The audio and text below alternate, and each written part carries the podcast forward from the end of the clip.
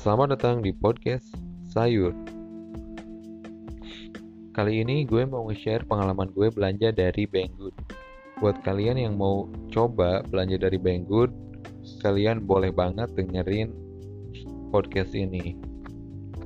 Nah, jadi gue itu beli sebuah barang dari Banggood harganya sekitar 480 ribuan. Terus ongkos kirimnya itu sekitar 90 ribu 90 ribuan dan asuransinya sekitar 9 ribuan. Jadi sekitar 100 ribu lah ya. Dan totalnya itu 584 ribu. Nah setelah barangnya nyampe ternyata kita itu nggak perlu lagi bayar yang namanya biaya biaya biaya biaya bea bea bea masuk itu dari uh, bea cukai. Atau kalau dulu itu gue biasanya bayarnya ke kantor pos ya. Dulu itu palingan ditagi sama kurirnya. Jumlah nominalnya uh, bervariasi sih. Kalau dulu kayaknya pernah 20 ribu sih itu. Itu tuh buat buka paket sama buat ngecek. Lah intinya itu buat ngecek paketnya doang gitu. Terus kalau nggak sama kurirnya kita, biasanya kita disuruh ke sana ke kantor pos. Karena di sini tuh kantor bea cukai ya jauh banget ya. Gue tinggal di desa. Pedalaman. Nggak pedalaman juga sih. Nah kalau kemarin itu ternyata nggak bayar sama sekali. Dan biaya ongkos kirim yang tertera di Banggood itu udah termasuk sama biaya bea masuk. Dan itu sangat memudahkan sekali sebenarnya. Cuma ya jangan kaget kalau biaya ongkos kirimnya eh, cukup mahal. Kalau dulu sih gratis. Cuma ya biaya masuknya tanggung masing-masing gitu. Tapi gue sendiri sepertinya lebih suka kayak gini gitu beli itu nggak perlu ribet lagi mikirin berapa biaya biaya masuknya ke Indonesia terus nanti ditagih berapa berapa lagi kan. Itu kayaknya ribet banget ya. Kitanya juga belum tentu siap e, ngebayar biaya tambahan. Kalau sekarang itu biaya biaya masuknya udah di include sama ongkir jadi kalau kalian misalnya belanja barang di atas 2 juta itu biasanya biaya ongkirnya sekitar 300-an, 300 400. Jadi kalau barangnya 2 juta setengah itu bisa jadi 3 juta.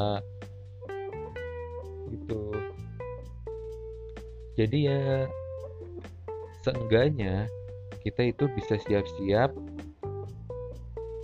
membayar lebih daripada kita dapat biaya tambahan yang gak kita siap sama sekali gitu. Nah enaknya sekarang tuh kayak gitu. Buat kalian yang mau nyoba kalian bisa langsung uh, buka webnya atau dari aplikasinya lewat smartphone kalian. Dan kalian tinggal pilih aja. Nanti di situ ada ongkir yang udah include sama biaya biaya masuk ke Indonesia. Jadi sekarang itu nggak perlu khawatir kalau mau belanja dari luar negeri.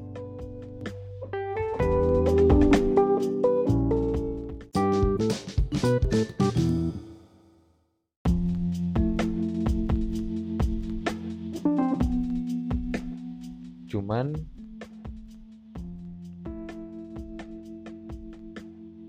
cuman kita itu harus siap juga. Biasanya barang dari luar negeri itu packingnya cuma dibungkus plastik aja gitu ya.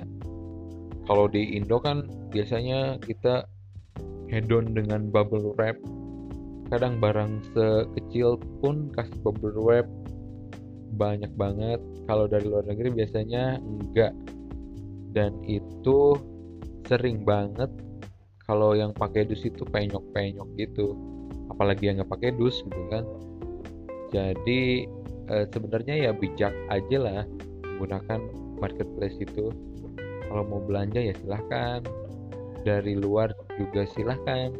Dale, dari dalam negeri juga silahkan. Sebenarnya kalau harga itu nggak beda jauh sih. Kadang ada beberapa barang yang ternyata lebih murah yang ada di Indonesia gitu jadi kalian udah nggak perlu repot-repot lagi beli dari luar negeri. Kecuali emang yang barang yang kalian inginkan itu gak ada di Indonesia dan terpaksa harus cari ke luar negeri. Ya sebenarnya kalian udah bisa mikir lah ya kira-kira worth it dari luar atau dari dalam negeri. Nah ya begitulah kira-kira terus eh, sebenarnya nggak ada kendala banget dalam pengiriman kali ini. Eh, gue pesen tanggal 17 gue terima itu sekitar tanggal 28 sekitar 11 hari ya. Ya mungkin kalau di kota lebih cepat lagi seminggu bisa sih. Kalau estimasi pengirimannya itu seminggu sampai 12 hari apa 14 hari dua minggu gitu. Menurut gue itu udah cukup cepet banget ya. Kalau dulu itu gue pakai yang gratis itu bisa sampai sebulan loh. Lama banget. Dan kayak pas datang itu kayak wow ternyata datang. Seneng juga sih dulu kalau sekarang ya udah lah ya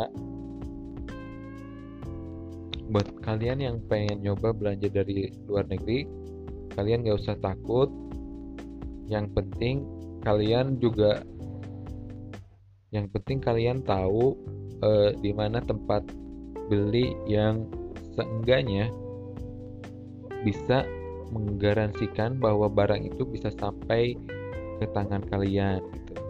Kalau gue sendiri beli di Banggood, contohnya ada banyak lagi kayak AliExpress, eBay, terus lain-lain ya.